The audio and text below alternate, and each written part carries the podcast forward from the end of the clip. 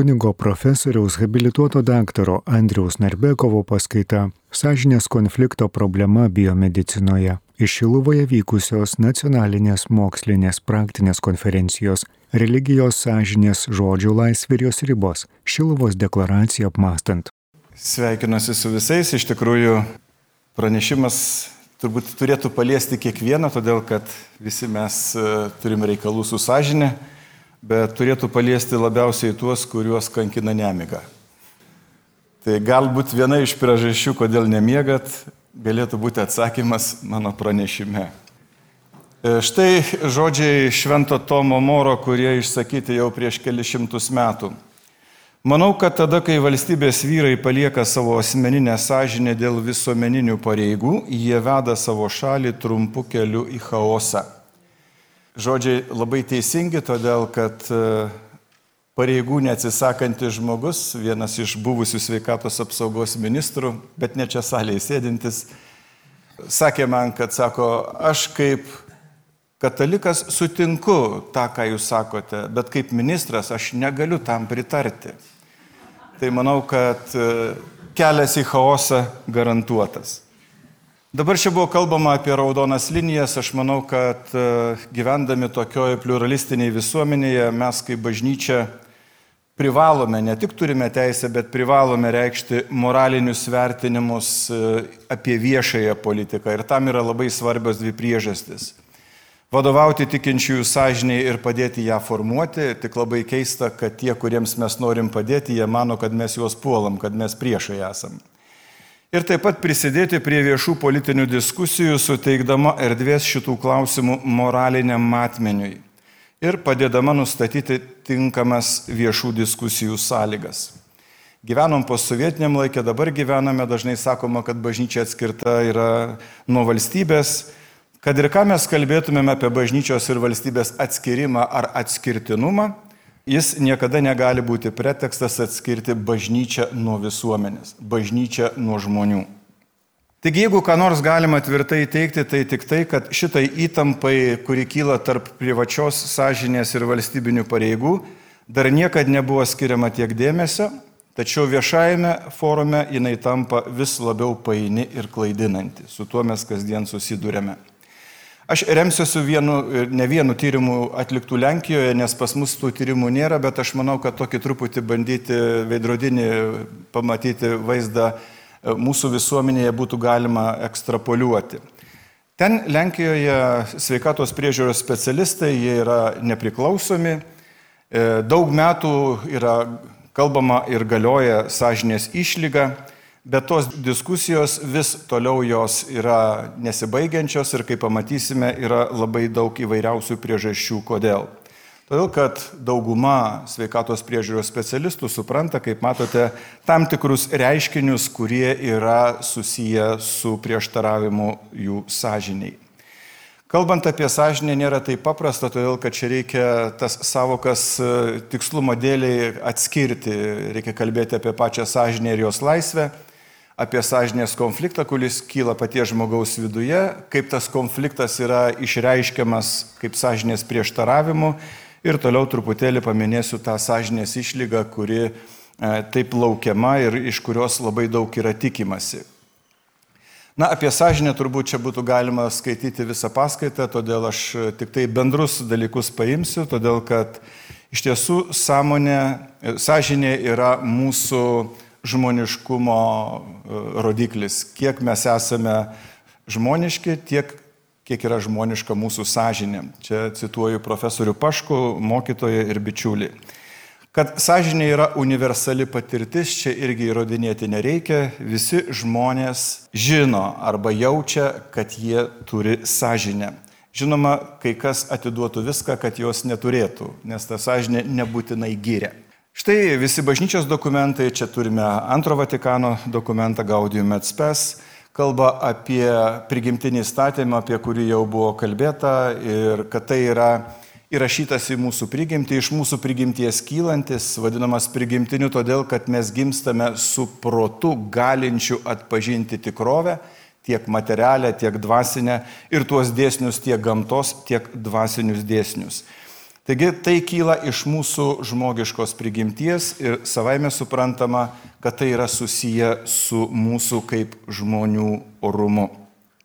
Sažinė yra tų visų dorovės principų tiesiog suvokimas, jų žinojimas ir pritaikymas įvairiose susidariusiose situacijose arba aplinkybėse. Ir protingas sąžinės sprendimas jisai praktiškai ir konkrečiai pripažįsta proto įstatymę išreikštą dorinį gėrį. Nes laisvė mums yra ir skirta, kad atpažinta protų gėrį mes jo siektumėm ir tokiu būdu tobulėtumėm. Buvo minėtas ir apaštalas Paulius, jis iš tikrųjų kalba apie sąžinę, sakydamas, kad sąžinė yra žmogaus liudytoja. Jis liudyja ištikimybę arba neištikimybę įstatymui, kitaip tariant, ar tai yra moralu ar nemoralu. Sąžinė yra vienintelė liudytoja, todėl kad kas vyksta žmogaus viduje, savaime suprantama, kiti negali to žinoti. Ir dar įdomu tai, kad sąžinė pirmiausiai liudyja pačiam asmeniui. Ir žinoma, kad savo ruoštų tik žmogus ir žino, ką reikėtų atsakyti tam sąžinės balsui. Dar daugiau sąžiniai turi įpareigojančią galę. Tai nėra patarimas, kurį jinai juos dalina. Jinai sako, kad tu taip turi daryti arba taip tu turi nedaryti. Tai savaime suprantama yra susijęs su ta dorinė tvarka, kuri yra į mūsų prigimti įrašyta. Ir sąžinė, kur jinai yra. Nes e, Senajame testamente sako, kad tai yra inkstuose sąžinė, bet dabar reikėtų jos ieškoti. Bet e, kad jinai nėra lokalizuota išimtinai prote ar valioje, bet kad jinai yra kažkur mūsų dvasinės sielos gilumoje. E, Sažinė yra daugiau negu vien protas, daugiau nei vien valia, daugiau nei vien jausmai, tai yra mūsų kaip asmenybės šerdis. Na, o kad sąžinė nėra vien tik tai protas, mes e, galime tą labai aiškiai įsitikinti, kad labai protingi žmonės nebūtinai yra pasižymintis labai tokia blizgančia sąžinė. Kaip minėjau, sąžinės teismas yra liepiamojo pobūdžio, tu privalai pagal ją elgtis. Ir jeigu tu elgiesi ne pagal savo sąžinę, tu esi pasmerktas pačios savo sąžinės. Na, teologijoje mes tą vadiname individualaus moralumo tiesioginę normą. Štai kodėl žmogaus negalima versti elgtis ne pagal savo sąžinę. Aš užaugau dideliai šeimoje, mūsų buvo daug vaikų ir mano mama sakydavo, ne vienas mano vaikas neturi savo nuomonės.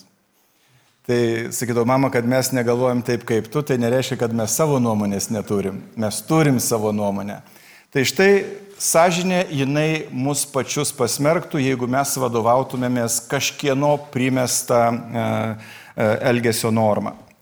Pagaliau žmogus juk ir realizuojasi kaip asmenybė per tuos laisvus pasirinkimus, per kiekvieną savo veiksmą. Na ir čia atsispindi būtent ta laisvė, nes laisvėje ir glūdi priklausomybė nuo tiesos. Ir tai niekur kitur taip aiškiai neatsispindi kaip žmogaus sąžinėje. Jeigu yra sąžinės ir jos laisvės suvaržymas, tai parodo, kad žmogaus orumas ir sąžinė jie yra tarpusavyje susiję dalykai. Tu negali, kesindamasis į žmogaus sąžinę, kartu nesikesinti į žmogaus orumą.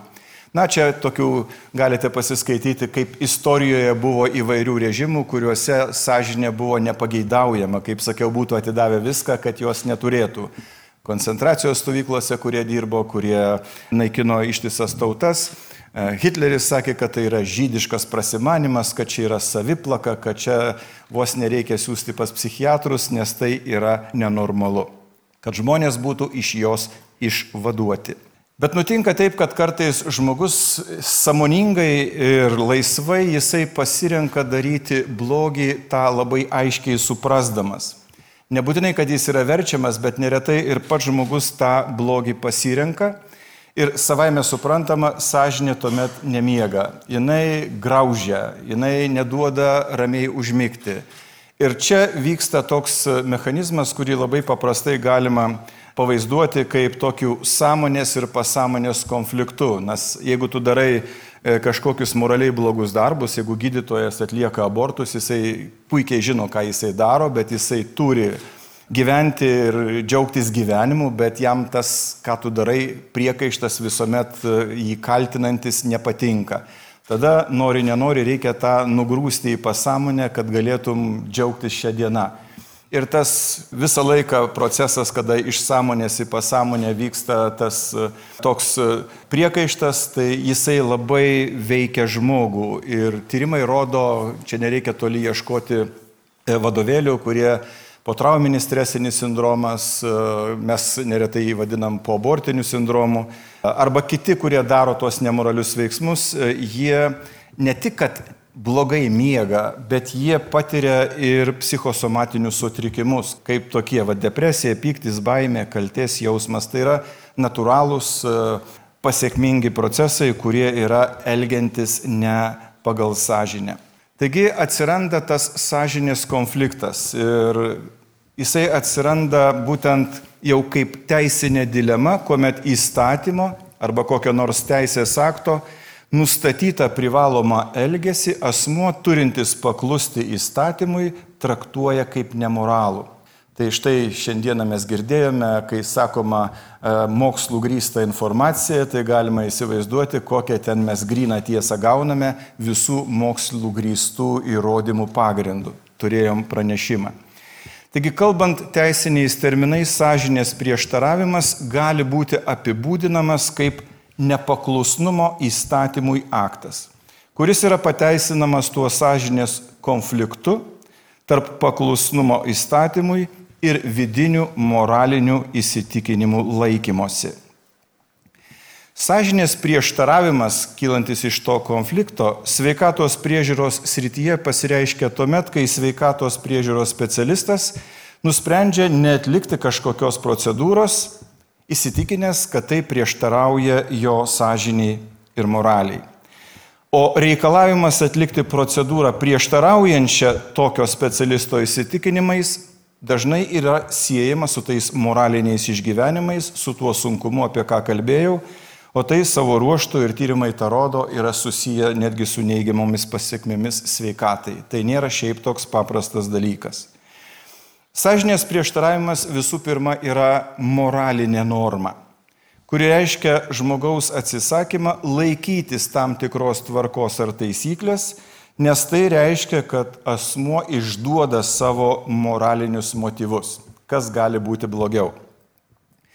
Kadangi sąžinė yra tapatinama su asmens moraliniu vientisumu arba integralumu, todėl asmens moraliniai įsitikinimai atspindi moralinę paties asmens šerdį, todėl moralinio vientisumo išsaugojimas ir įrodo samoningumą, nepažeisti moralinių įsipareigojimų ir yra labai svarbi vertybė, nustatant, ar tas žmogus, kaip sakiau, turi savo nuomonę ar neturi savo nuomonės.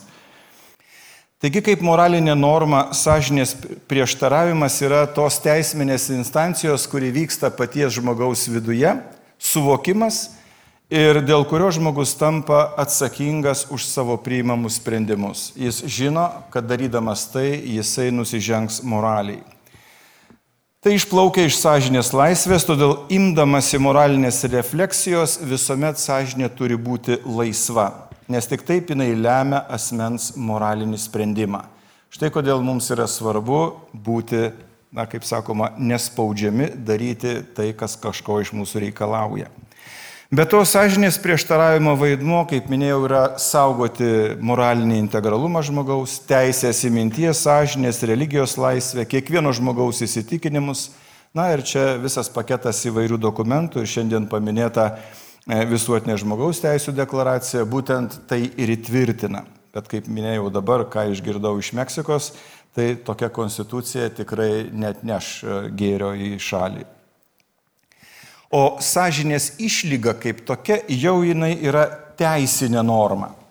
Arba sąlyga, kuri yra pridedama prie įvairių šalių įstatymų, atleidžianti kai kuriuos asmenis, čia kalbu dabar labiau apie sveikatos priežiūros specialistus, gydytojus, slaugytojus, vaistininkus, nuo tam tikrų paslaugų teikimo dėl moralinių arba religinių priežasčių.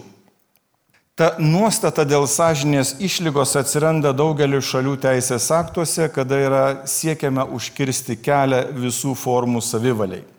Neskaitysiu viso teksto, bet noriu pamatyti, kaip čia yra daug, kad pamatytumėt, kiek žmogus turi padaryti dalykų, kad jis galėtų pasinaudoti sąžinės išlygą, kad jis galėtų būti laisvas, nedaryti kažko, ko jisai negali daryti dėl savo įsitikinimų. Pasižiūrėkite, kiek jis turi visur kreiptis, visus informuoti, tą pacientą siūsti pas kitą, kitaip tariant, kad jis galėtų pasielgti taip, kaip jam turėtų būti garantuojama, na, tiesiog besąlygiškai. Lenkijoje atliktas vaistininkų tyrimas e, parodė, kad 73 procentai respondentų mano, kad teisė į sąžinės išlygą neturėtų būti taikoma vaistininkams. Na, čia ko gero jau ne vien tik tai moraliniai įsitikinimai, bet yra ir aiškus finansiniai interesai. Taigi tyrimas taip pat parodė, kad vaistininkai dažniau už kitus atsisako suteikti teisę į sąžinės išlygą savo kolegoms vaistininkams. Galiausiai tyrimas parodė, kad vaistininkų nuomonė rėmimas į sąžinės išlygą trukdytų pacientams teisėtai gauti įvairias farmacinės paslaugas pakirstų jų pasitikėjimą sveikatos priežiūros specialistais, sukeltų moralinius konfliktus tiek su darbuotojais, tiek su pacientais. Na, aišku, kad kiltų reikalų. Štai yra Lietuvoje priimtas vaistininko etikos kodeksas ir, kaip matote, yra būtent pasakyta, kad asmeniniai vaistininko įsitikinimai neturi pakengti pacientui. Tikrai labai abejoju, ar vaistininkas, remdamasis šituo, galėtų sakyti, kad man priklauso e, sąžinės išlyga. Iš tikrųjų, dėl visų šitų priežasčių sveikatos priežiūros specialistai labai retai naudojasi teisę į sąžinės išlygą.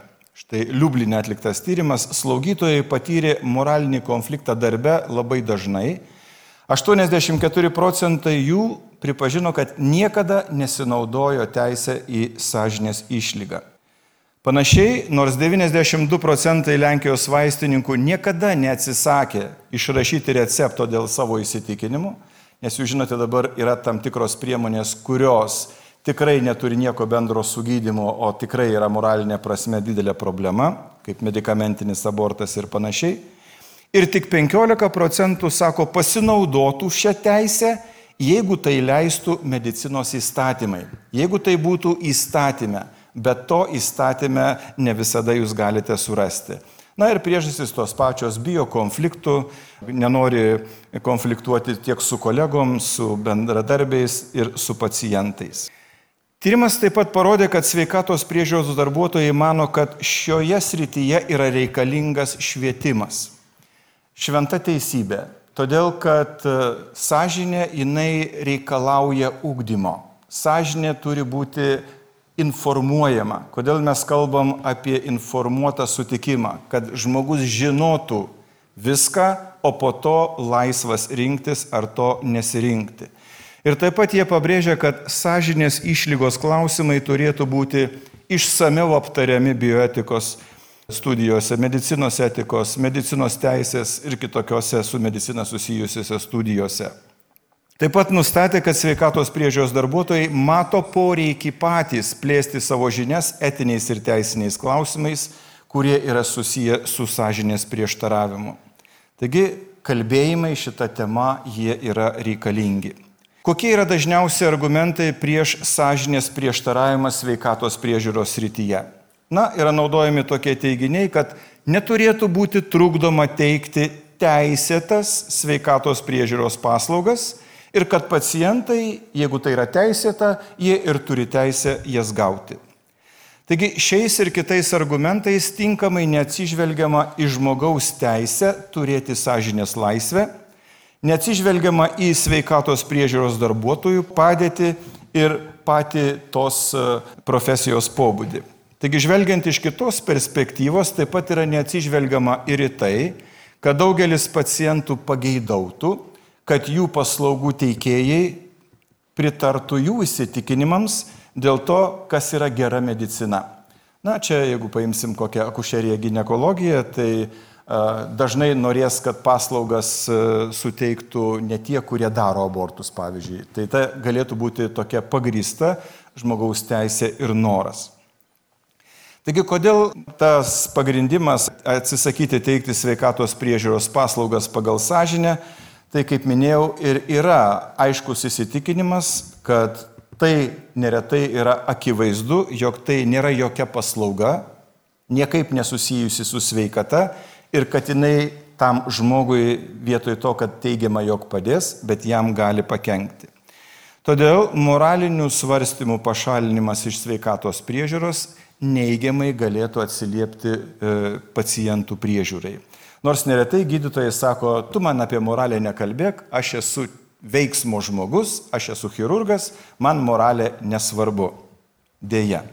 Daugumo jurisdikcijų sveikatos priežiūros darbuotojai gali pagal sąžinę atsisakyti atlikti tam tikras procedūras arba skirti tam tikrus vaistus, nors teisinės apsaugos arba nėra, arba jos nepakanka. Kaip paminėjau, e, gydytojas arba kitas sveikatos priežiūros specialistas pats negalėdamas įsitikinimu to daryti, privalo nusiųsti kitam specialistui nukreipti tą žmogų, tarkim, jeigu dėl aborto arba dėl kokios nors kitokios situacijos, tai savaime suprantama yra to žmogaus įtraukimas į blogą moraliai veiksmą ir tą mes moralės teologijoje vadiname bendradarbiavimu blogyje. Ta žmogus taip pat toliau dalyvauja tame veiksme, na čia, kaip sako, panašiai kaip pabūti vairuotoju, nuvežant kokį plėšiką apiplėšti banką. Būti tik vairuotoju. Taigi sąžinė yra susijusi su pagrindiniais įsitikinimais, kurie palaiko asmens tapatybę ir vientisumą. Taigi šiuo požiūriu sąžinės klausimai jie nėra diskretiški, jie yra pareigos reikalai. Ir kokiusgi pasirinkimus turi sąžinės krizę išgyvenantys specialistai? Arba išeiti iš darbo, arba jie turi užmerkti akis ir pažeisti savo įsitikinimus.